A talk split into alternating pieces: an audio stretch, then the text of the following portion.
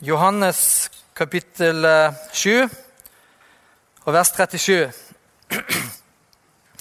Der står det, men på den siste, den store dag i høytiden, sto Jesus og ropte ut, om noen tørster, han kommer til meg og drikker. Den som tror på meg, som Skriften har sagt, fra hans indre skal det flyte strømmer av levende vann. Dette sa han om den ånd de skulle få, de som trodde på ham. For ånden var ennå ikke gitt fordi Jesus ennå ikke var herliggjort. Halleluja. Det var, det var litt tamt her.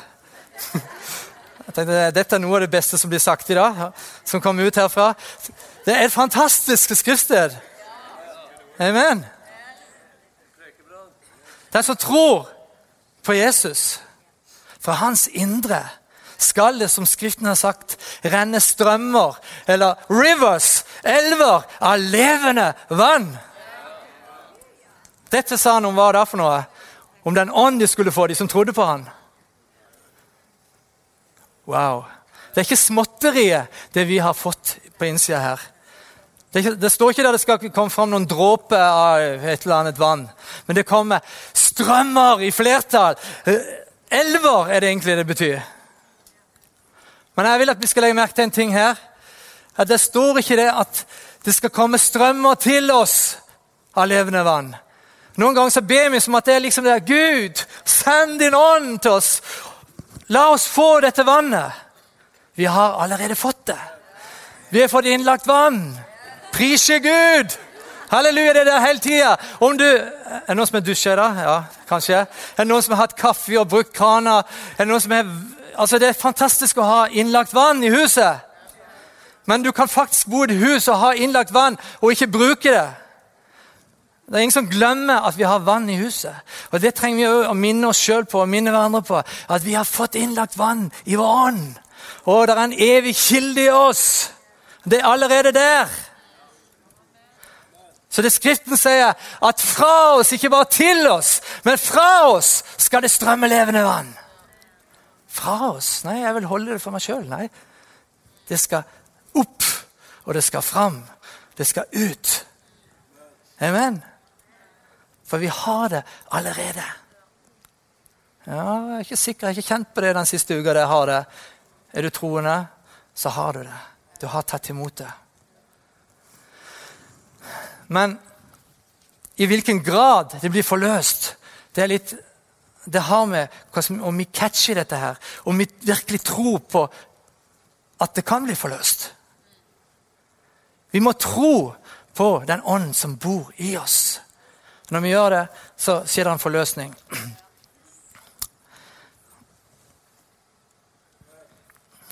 Takk og, takk og lov. Agnar er med her. Amen. Det er veldig bra. Vi kan godt lese et vers til. Jeg føler det er ikke nok ennå. Skal ikke våkne opp ennå. Dette her er like bra. Er du med? Ja, flott. Jesajas eh, kapittel 12.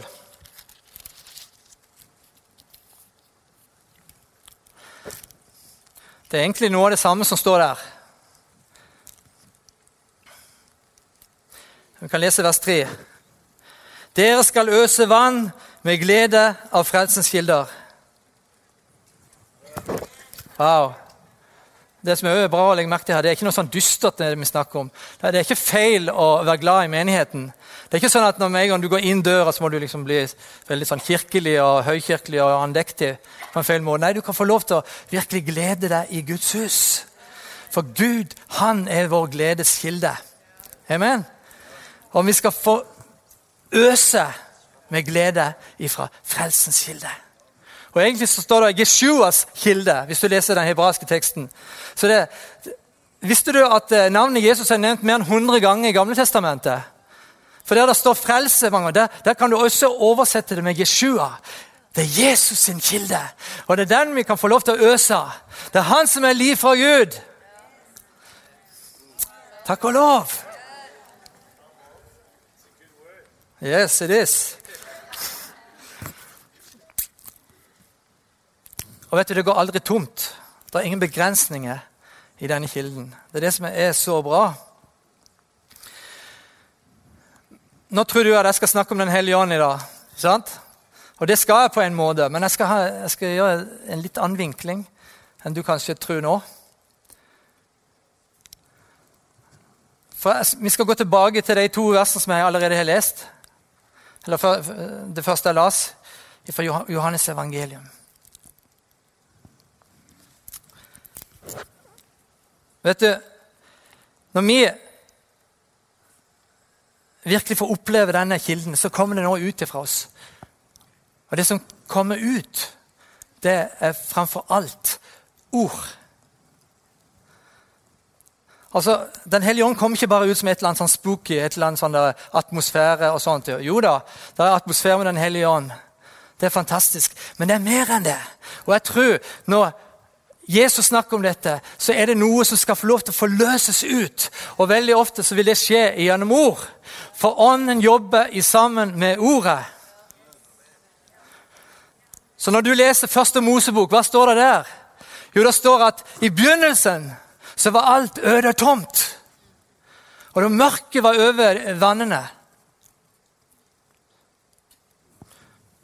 Og Den hellige ånd, ånden, svevde over vannene. Men ingenting skjedde. Det var øde tomt, og det forble det helt til Gud sa. Det blir lys, og det ble lys. Jeg tror det at eh, ordet uten ånden, det blir veldig tørt. Det blir dry up. Ånden uten ordet, det blir noe sånn eh, et eller annet svevende. Det blir blow up, som noen sier. Men ånden og ordet sammen, det blir grow up. Da blir det liv, da blir det vekst, da blir det forandring. Og jeg tror vi må skjønne dette, at Hvis vi vil ha mer av Den hellige ånd, så ønsker vi også velkommen til at Guds ord skal få flyte mer fritt iblant oss. Amen. På alle forskjellige måter. Ja, vi må lese mer her. Så når du blir overbevist Da tar vi Efeserne.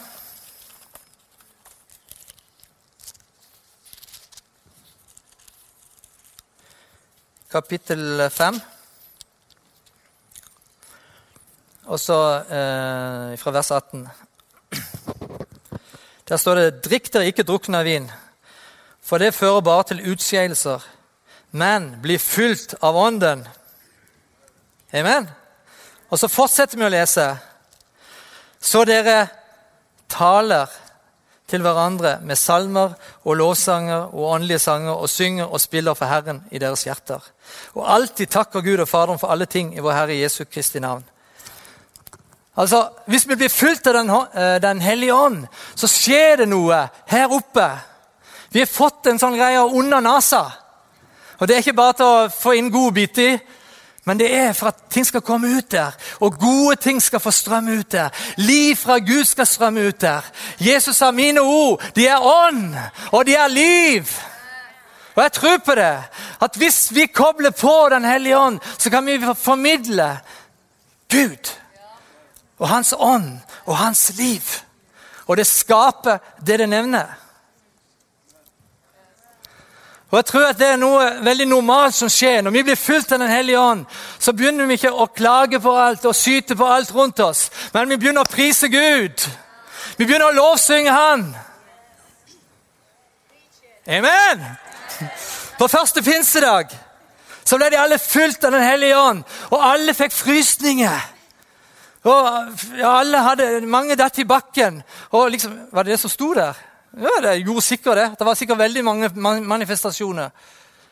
Men det var én manifestasjon som er nevnt spesielt her. Og de begynte å tale. Amen? Det ser du om igjen og om igjen også i apostlenes gjerninger. Når de ble fylt med Den hellige ånd, så begynte de å tale i nye tunger. Og noen begynte å profetere. Men de første manifestasjonene at det var åndsfylde, og det var ånds gudsnærvær Ånds- og gudsnærvær. Det var noe som skjedde i talen. Amen. Du kan se på munnen din som en sånn uh, ventil. vet du. Er det noen som har sånn soda water, eller sånn der, uh, gassvann? Hva er det heter for noe? Vi har en sånn en hjemme. Sodastream. ja. Og Da kan du sette en flaske under der, og så kan du trykke på en knapp. Du skal telle til fire. Cirka, jeg tror jeg. En, den, vi bruker den mye hjemme. Og Så er det noen ganger jeg teller for seint eller, eller jeg teller for langt. Og Da begynner det psh, liksom å sprute over. Det er en ventil der som gjør at ikke hele kjøkkenet da skal eksplodere. Når jeg får for mye gass inni. Det blir overfylt inni der. Jeg tenkte på det, så, Sånn kan det være med oss. da. Hvis vi blir overfylt av Den hellige ånd, av Gud, så kommer det noe ut. Og det kommer ut av vår ventil, som er munnen vår. Da vil det komme gode ting ut av vår munn. Og vi vil snakke om Guds under, og vi vil prise Han, og vi vil forkynne evangeliet.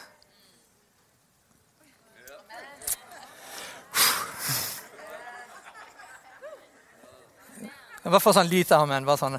Så det, det, gjør noe med meg, liksom. Bare for min del. Det er bare for min del. Kan jeg si amen? Ja, ok. Halleluja. Da sa du at du er enig, så det er bra. Jesus sa det hjertet er fylt av, det flyter munnen over av. Amen? Så jeg er på Bibels grunn her i dag. Altså, Er vi fylt av Den hellige ånd, så vil vi flyte over med det som har med Gud å gjøre gode ting. Vi er kalt til å tale Guds ord overalt. Den som taler, han, Enten taler han Guds ord direkte, eller så taler han som Guds ord. Gud vil ikke at vi skal tale imot Hans ord. Og vi skal ikke tale på en sånn måte at det, det, det sårer Hans ånd. Da står jo det at bokstaven den slår i hjel. Så bare ordet altså Snakker vi bare lov, f.eks., så bare slår det i hjel folk. Det blir trist, det blir vondt for alle. Men eh, taler vi i Guds ånd, Guds ord, så blir det liv. Så Derfor trenger vi virkelig å være oppfylt av Den hellige ånd, og så la det få lov til å strømme ut.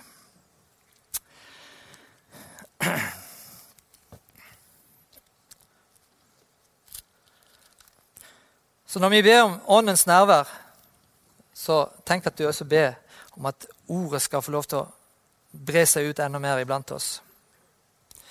I apostlenes gjerning så står det òg opptil flere ganger at ordet utbredte seg og fikk makt.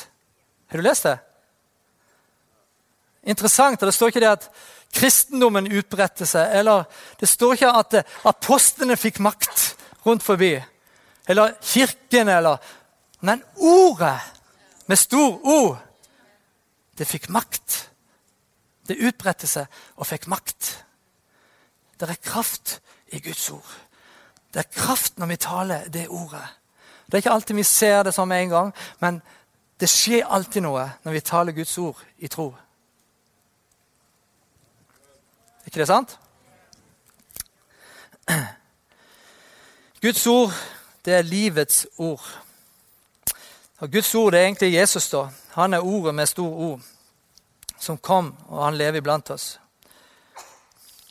Du kan ha Guds ord i hylla hjemme. Du kan gjerne ha hele huset fullt av bibler. Men det skjer jo absolutt ingenting for det. Gjør det? Nei. Men du kan lære Guds ord utenat. Du kan få alt opp her i knollen. Men eh, det betyr ikke at det skjer noe av den grunn. Det, kan, det fører heller mer til oppblåsthet eller til stolthet noen ganger. Du trenger å få Guds ord ned her. Den halvmeteren som sier, de sier den lengste halvmeteren som fins. Det er den fra der og ned der. Det, det, kan en oppleve noen ganger. Men da er vel alt på plass? Nei. Jeg vil gå litt lenger. Vi skal ha Guds ord i hjertet. Men det skjer nødvendigvis ikke så mye bare av den grunn. Jo, det skjer, vi, vi opplever Guds herlighet og sånn, da. Men Gud har mer på lager. Hvis vi leser i Romerne 10, så står det at i hjertet tror vi til rettferdighet. Og med munnen bekjenner vi til frelse. Amen? Så det, det, er den kombinasjonen med at vi har fått tak i ordet. Det er i vårt hjerte. Og så går vi videre og så taler vi det ut. Og da skaper det frelse. Og Det er et ord som vi liker å bruke når folk tar imot Jesus. Og Det er på sin plass. Det er et veldig bra ord å bruke når du ber med noen til frelse. Men jeg tror det også har noe å si til oss som har vært frelst en stund. For i det ordet frelse så er det så enormt mye. Amen? Det betyr å gjøre hel. Det betyr at vi har helbredelse i Jesus. Det betyr at vi er fri fra forbannelse. Vi er fri fra fattigdom. Vi er fri eh, fra uh, det djevelen vil gjøre i våre liv. Så i vår munn er det et under. I vår munn er det kraft. Amen. Så når du kjenner gjør dette tror på, så er det viktig å bare tale ting ut. Du taler til Herren i lovprisning. Jeg tror lovprisning det handler ikke om oss, det handler om Han. Amen? Jo, Det handler jo selvfølgelig på en måte om oss òg, for vi er midt oppi det. Men når vi fokuserer, så er det ikke oss sjøl, men vi fokuserer på Han. Det kan være flott å synge 'Jeg elsker deg, jeg elsker deg, jeg elsker deg' tusen ganger. Men det er enda sterkere synes jeg da, å si at 'du elsker meg', Gud. Du har gitt ditt liv for meg. Du er min frelser. Du er min forløser. Så skal jeg jo få lov selvfølgelig å gi respons og synge tilbake at jeg elsker han. Eller si det tilbake. Men vi må forstå at sentrum av vår lovsang, det er han. I Jesaja så står det til meg at 'Herren er min lovsang'. Han er min styrke og min lovsang. Amen. Det gjør at når vi har en dårlig dag, så trenger ikke lovsangen stilne. For han har ikke noen dårlige dager. Han er den samme. Og når vi fokuserer på han, så vil vi bare blir løfta opp når vi priser hans navn. La vår munn være fylt av lovsang. Han er tatt av oss sørgeklærne og han har gitt oss en lovprisningsdrakt istedenfor. Det er jo en del av det vi har fått i frelsen. Glory to Jesus. Det er jo sånn med eh, dynamitt at du, du kan ha dynamitt i kjelleren, f.eks. Nei, det har du ikke. Det, hvis, ikke du har, hvis, du har det, så trenger du ikke. Jeg, når jeg forberedte meg, så googla jeg faktisk litt på dynamitt. Og Der fant jeg noen avisartikler. De var fra Østlandet. da. Uh, men der var det en kar da, som hadde hatt fem kilo dynamitt i kjelleren. Og Det tragiske skjedde at eh, det ble brann i huset. Og Huset ble sprengt i fillebiter. Til og med grunnmuren var borte etterpå. Jeg så bilder. Det var helt forferdelig. Det var en slagmark. Fem kilo dynamitt! Det var alt. Og så sto det en annen artikkel om en som hadde hatt 95 kilo i boden. Ikke særlig smart, tror jeg. Men det var da noen som hadde tipsa som hadde funnet ut at dette her var sånn, så det, politiet hadde kommet. Men så sto det det at hvis hadde, de, de, de hadde gått av de han her, og så hadde de kunnet berørt i 800 meters radius rundt hans hus. Wow. Dynamitt må du lukke inne sånn i eh, stålcontainere. Men eh, når det gjelder den dynamitten som vi har fått, så skal vi ikke lukke den inne. Tvert imot, vi skal sette fyr på den. Ild. Jeg likte det. Ild på dynamitt, det gjør noe. Da blir Det ikke, det kunne ligge i 100 år i boden. Ingenting ville skje. Men setter du fyr, så skjer det noe. Så kan dynamitt flytte fjell. Amen. Og Vi har fått en ild. Vi har fått Den hellige ånds ild. Og Den skal få lov til å besmittes, og den skal få lov til å brukes til å tenne fyr på det ordet som han gir oss. Så skal ikke bare være en tro som vi har i hjertet. og det er fantastisk, og jeg tror, jeg tror, jeg tror. Men vi skal få lov til å tale ut det ordet og ha en bevissthet om at nå skjer det en eksplosjon.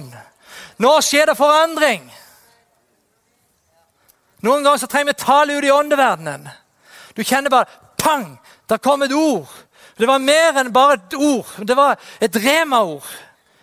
Og Hvorfor fikk du det ordet? Ikke for at du skulle bare gjemme det der inne, men for at du gjerne skulle be det ut, eller profetere det ut. For det er mange ganger det du gjør. Også i bønn. Det er ikke sånn 'Å, kjære Jesus, må du det. Altså, Noen ganger så blir det ynkelige, de bønnene. Men vi kan få lov til å være djerve. Jesus sa hvis du har tro i ditt hjerte, så skal du kunne si til dette fjellet Flytt deg og kast deg i havet. Og det skal skje nøyaktig sånn. Det er sterke ting, det. Ja, vi må ha tro.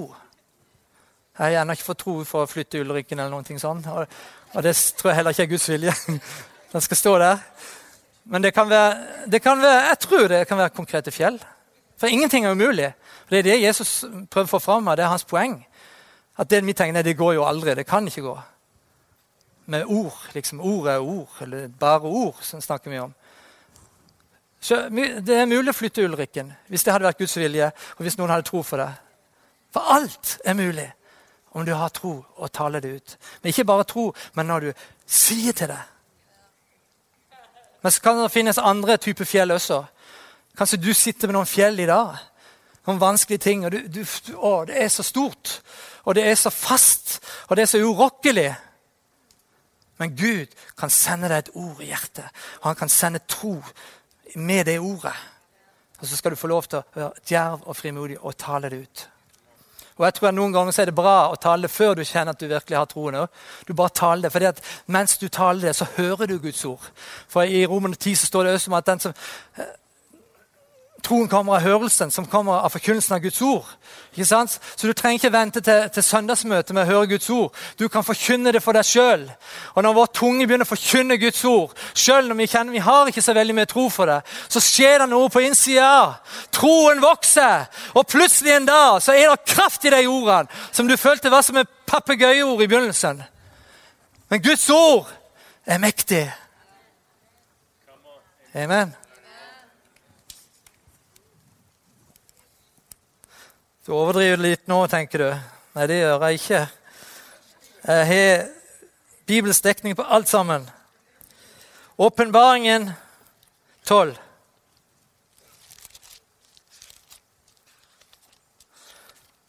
Er det noen som trenger å høre dette ordet? Jeg tenkte, Hvis ikke det er noen av dere, så trenger jeg iallfall å høre det sjøl. Så det er bra. Johannes' åpenbaring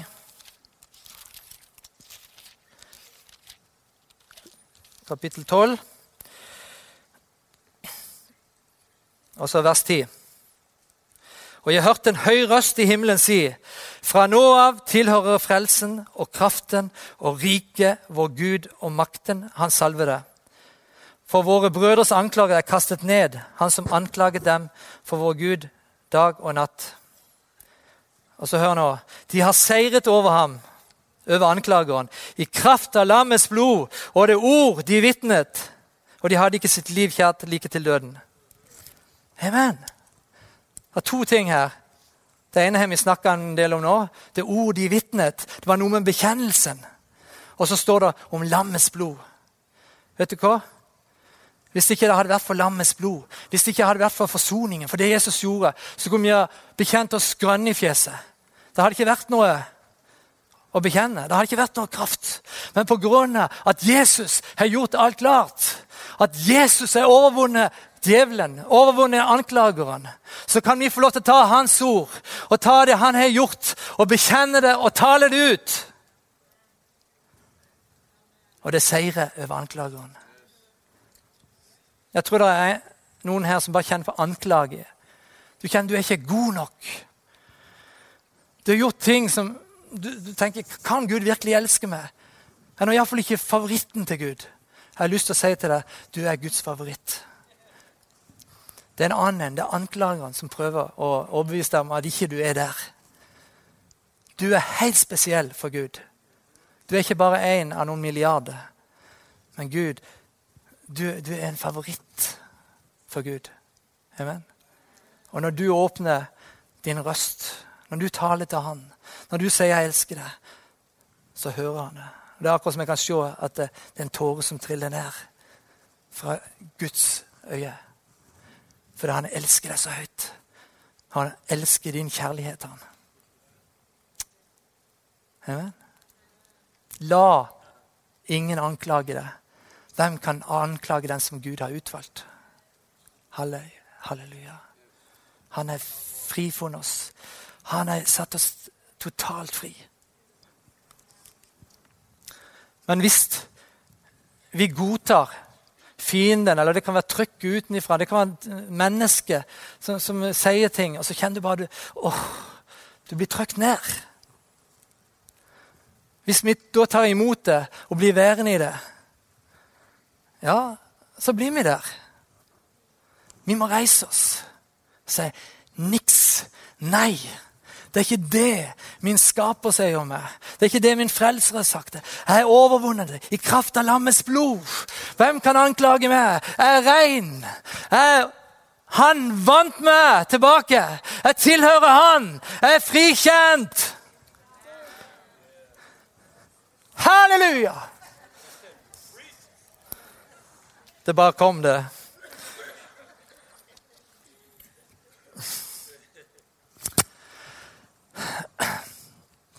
Vi merker at Den hellige ånd er nærværende. Vi merker at Den hellige ånd gjør noe iblant oss. Så Jeg tror at dette er også til oss i dag. At vi skal bli minnet om vår tunge. Jeg vet at Tanja hun var inne på det sist søndag. her. At Gud ønsker å røre ved vår tunge. Jesaja han kom inn i Guds nærvær. Det første som skjedde, det var Oi, ved meg! En mann med urene lepper. Det er det første som skjedde i dette gudsnærværet. Og jeg tror det er Når vi opplever Gud, så vil det påvirke vår tale. Og jeg tror det at uh, Guds folk vi, vi, må ha en gudsfrykt i forhold til hva vi sier. Mange av oss, inkludert meg sjøl, er så lett å bare snakke i vei. og Det kommer det som kommer, liksom. Men Gud vil at den dilemmaet her skal bli styrt. Vi leser om det i Jakobs brev, ikke sant? Der var det et problem. Der kom lovprisning til Herren og til Gud Fader. Og så kom det forbannelse fra de samme tungene. Som forbanna det Gud har skapt menneskene. Så står det sånn må det ikke være. Det kan da ikke komme friskt vann og best vann fra samme kilde. Og det er sånn at Når det kommer noe som er, som er ureint inn, så, så, besmitter det det andre. Derfor tror jeg Gud vil at vi skal ha en gudsfrykt i forhold til vår tale. Og jeg, jeg vil være den første som bekjenner. Jeg har ikke alltid sagt det jeg skulle si. Langt ifra. Og jeg tror ikke det er noen her. Det står jo også det i det, det kapitlet at den som, er, den som ikke snubler i tale, han er perfekt. Han er perfekt mann. Så vi vet at vi er ikke perfekte. Opp med hånda, du som føler at du, du aldri har bomma i forhold til det du sier. Det fins ikke sånne. Og takk for Guds nåde. Men det betyr ikke at jeg bare lar det suse og gå som det vil. Gud vil skjerpe vår tale. Amen. Det gjelder også iblant oss, hvordan vi snakker til hverandre. Det står veldig mye om det faktisk i Bibelen. Vi har ikke tid til å gå så veldig i dybden på alt det her, men uh,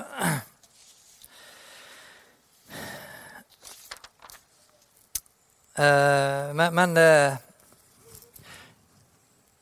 Jeg kan ta fram det som står i første kor 14. Der står det om uh, den profetiske gave. Okay, hva er det det går, går i for noe? Ja, liksom Er det masse greier som skal skje og sånn? Nei, den profetiske gave det går i det står tre ting. Er det noen som kan hjelpe meg?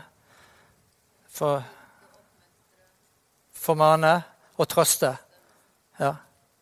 Formane, det ordet vi bruker, det, det, da tenker vi ofte på sånn at det er ja, liksom sånn. Men det som ligger i det ordet, egentlig, det, det er en eh, oppmuntrende formaning. Det det er, alltid en formaning i en oppmuntring, og en oppmuntring i formaningen eh, når det er fra Gud. Altså Hvis vi ønsker å være mer profetisk her i menigheten, så kan vi jo begynne der. At vi er gode til å oppmuntre hverandre. Så nei, jeg vet ikke, jeg følte ikke jeg fikk det fra Gud, liksom, men jeg bare sa det. Jeg sa noe positivt.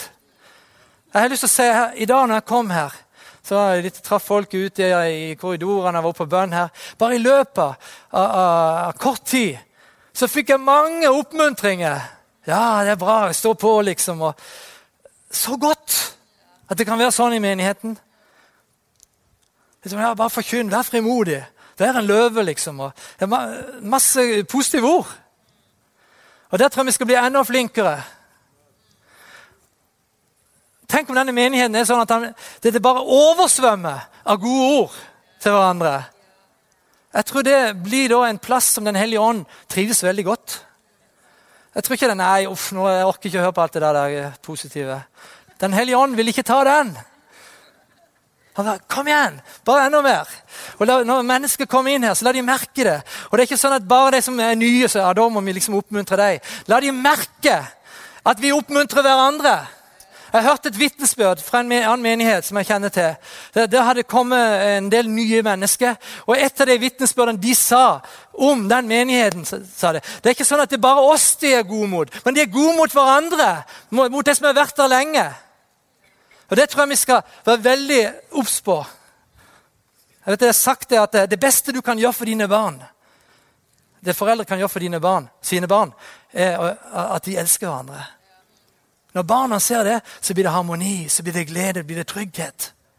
Og Sånn tror jeg det også i menigheten. Når vi som er her fast, vi trener på hverandre. Det er ikke bare sånn når det kommer noen ny, så skal vi liksom eh, disippelgjøre dem, vi skal oppmuntre dem, vi skal backe dem opp. Nei, vi som har vært her en stund, la oss være flinke og fortsette. Vi som har av og til blitt lei av hverandres tryner. Nei, uff da. Nei, det, var, det, det ble feil. Ansikter. At vi har sett hverandre så lenge at vi glemmer hverandre. Vi, vi, vi ignorerer hverandre nesten. La det ikke være sånn. La vi være oppmerksomme overfor hverandre og vil være gode til å komme med fine ting. Amen. Og Da blir det andre naturlig, og mennesket vil merke det. At det er ikke noe påtatt. Det er bare sånn vi er. Det er bare, det er bare sånn, sånn den menigheten er. Det er bra når det er sånn. Gud, hjelp oss og hjelp meg.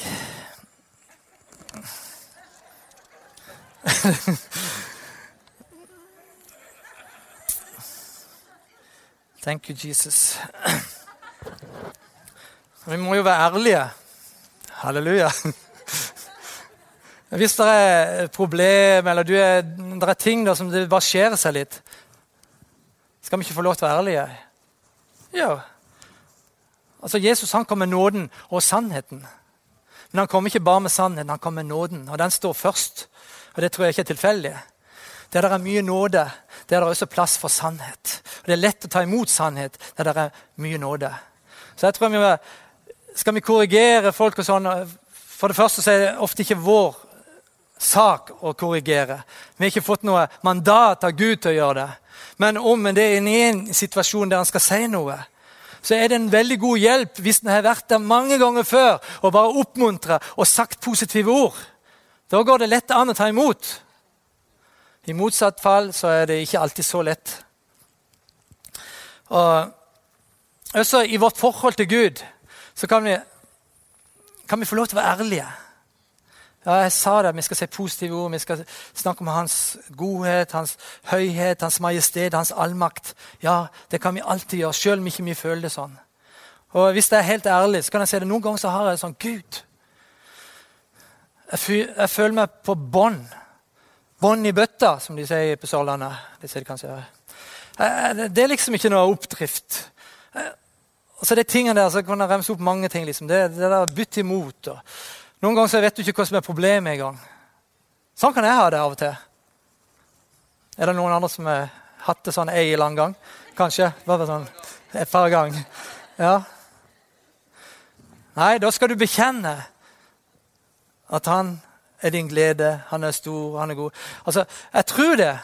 Men samtidig så tror jeg på det, den ærligheten innenfor Gud. Da vi leser salmene, så ser vi også det. Vi er lov til å utøse våre hjerter det er ikke noe liksom, Gud, nei, ikke si det. Det er negativt. Han er ikke sånn. Han kjenner oss tvers igjennom uansett. Du kan komme med hele greia. Gud, jeg heter pyton! Forferdelig. Kanskje noen har vært det. Jeg har lyst til å ta mitt liv, så ille har jeg det. Sånn hadde David det. Han sa det rett ut til Gud. Han liksom, pff, han følte det, nå er det finito, det er slutt.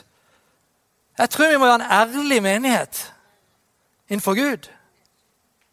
Men poenget mitt i dag, det er hvor setter vi et men? For da er et men en plass. Du kan si 'Gud, du er stor, du er fantastisk, du er herlig', og vi priser Gud på søndagen. Og så kommer vi hjem. Men det er pyton. Det går nedover. Det er ikke noe særlig. Det blir på feil plass. Du kan si 'Ja, jeg er nede. Det er pyton.' Men jeg vil sette min lit til deg, Gud! For jeg vet at du har kontroll. Jeg føler det ikke sånn. Jeg føler meg helt nede, Herre. Jeg føler det går nedover, men jeg vil si oppover. Jeg vil tro på deg, Herre. Du er min forløser, du er min frelser. Er du med? Da blir det bra. Det kan jeg love deg. Det var det David gjorde gang på gang. Du kan se Mange av hans salmer de begynte med å bare remse ut. Jeg tror ikke vi hadde fått lov til å synge det her i menigheten. da. For Det er helt forferdelige tekster, egentlig. Ikke sant? Men uh, det står i Bibelen. Og det er det som er veldig fantastisk med, med, Guds ord. At det, det, det, det er ikke så tilsminka. Det er akkurat som det er. Mennesket er menneske, og Gud vet det. Og Gud har akseptert at vi er som vi er. sånn sett. Men han har mer på laget for oss. Sånn så Du ser eh, mange av disse salmene de begynner helt der nede, men så kommer det, så blir det en, en skifting. Men, men, Gud, igjen skal du hjelpe meg. Igjen skal du løfte meg opp, osv. Så sånn kan vi få lov til å ha vårt gudsliv også. Og Gud er happy med det. Ja. Jeg kan lese bare noen enkelte vers her om hvordan vi taler. I ordspråkene 12-18 står det 'tankeløs tale stikker som sverd', men de vises tunge helbreder. Amen. Efeserne 4,29. La ikke råtten snakk gå ut fra deres munn, men god tale som er nødvendig til oppbyggelse, og som blir til velsignelse for dem som hører.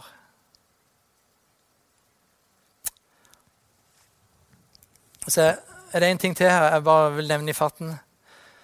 Når vi snakker om bekjennelse, som kanskje ikke høres så, eh, så heftig ut, men det er bekjennelsen av våre synder.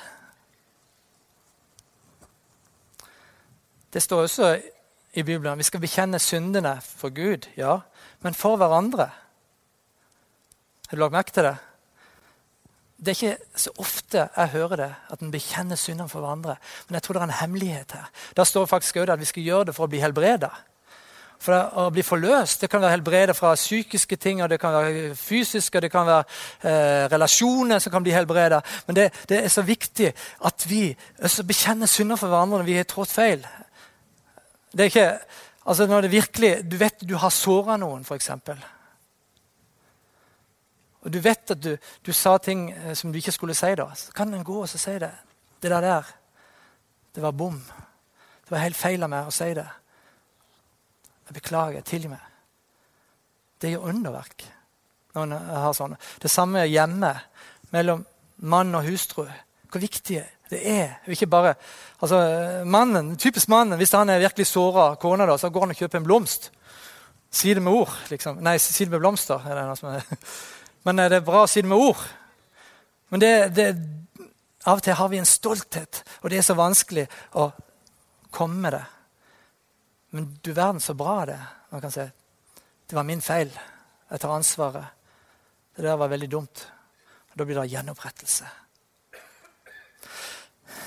Amen. Ja, jeg sa det var ikke så heftig, kanskje. Men det, det er veldig bra. Det er veldig bra å gjøre det. La det ikke være noe sjokkerende om vi gjør det overfor hverandre også.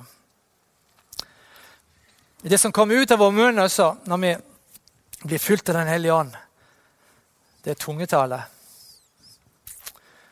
Det ser du jo på første pinsedag. At de ble fylt av Den hellige ånd, og de begynte å tale i andre tunger. Og Du ser det flere ganger i apostlenes gjerninger. De ble fylt av Den hellige ånd, og de talte i nye tunger. Amen. Jeg har lyst til å løfte det fram også, for det er også en del av vår tale og vår bekjennelse. egentlig.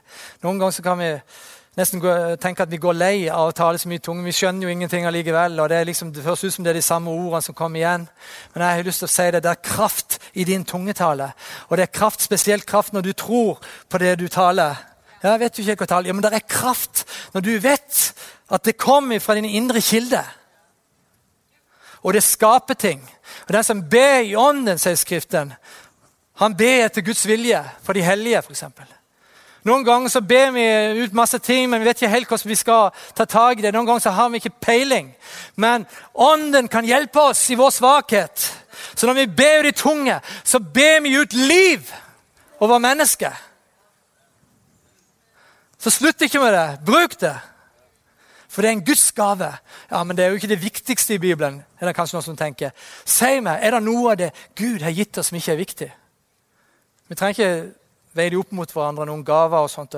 alt det Gud har gitt. Og jeg tror at tungetalen er kjempeviktig. Og hvis du er her i dag og ikke har tatt imot denne gaven, og du kjenner det Jeg trenger det. Jeg kan si at du trenger det. Men at du erkjenner det og skjønner at du trenger det, så kan du uh, få oppleve det i dag. Det tror jeg. Du kan komme her etterpå når møtet er slutt, så skal vi be spesielt for deg. Det er kjempelett å tale i tunge.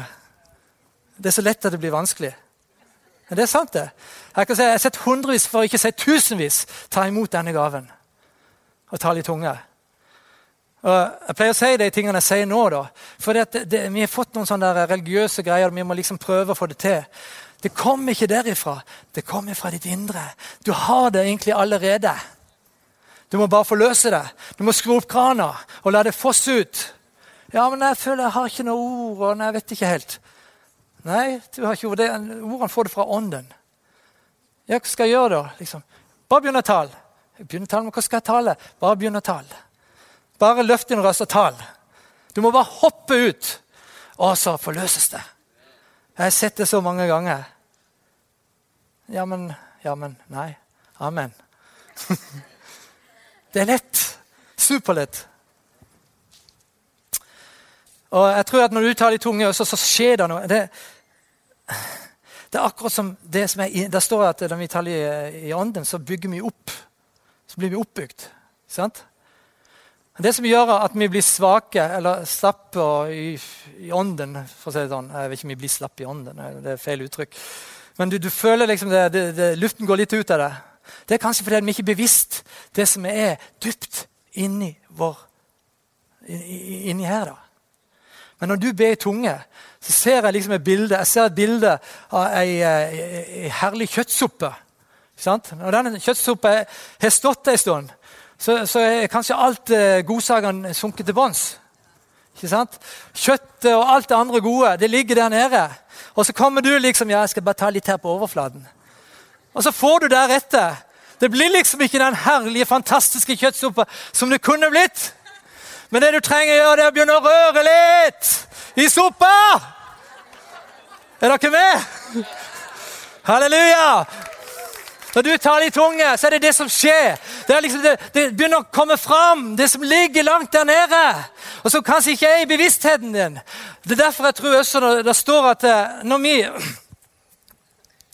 at, vi skal, at, vi skal, gjøre sånn som Paulus. Jeg vil be med ånden og be med forstanden. Jeg vil synge med ånden og jeg vil synge med forstanden. Amen? Fordi at Når du ber i ånden, når du ber ut i tunge, så begynner det å komme opp tanker som ikke du hadde før. Så kom det en tro som du ikke eh, visste var der. Så kom det liksom opp til overflaten. Og så ber du det ut på norsk eller på engelsk eller hva det måtte være. Og så skjer det mektige ting. Og så går du tilbake så ber du i ånden. Og så kommer det opp ting. Og det hjelper oss vanvittig i forhold til det å be kraftfulle bønner. Hvis vi ber til vårt intellektuell eh, eh, ja, intellekt, så, så, så, skjer det ikke så mye. Men om vi tar det herfra og samarbeider med Den hellige ånd, så er det power. Så er det dynamitt. Og når du taler ut i tro, da, så skjer det du nevner. Det gjør det. Takk, Jesus. Så hvis du tar litt tunge, så er min oppfordring bruk det. Hvis ikke du tar litt tunge, så er min oppfordring begynn å ta litt tunge. Og du kan gjøre det i dag. Jeg tror det. Jesus sa, 'Den som tror på meg' Eller 'disse tegn skal følge den som tror'. I mitt navn skal det du kan det. ikke sant? Jeg husker alle rekkefølgen på det der. Men det, det, du, du, eh, det ene av de tingene som du skal gjøre, det er å tale i, i ny tunge. Tror du på han? Ja, jeg tror på han. Og så spørsmål to. Tror du på det som står i akkurat det skriftstedet? Den som tror, han skal gjøre det. Så bare kom på i tro, og så skal du eh, få lov til å oppleve det. Amen.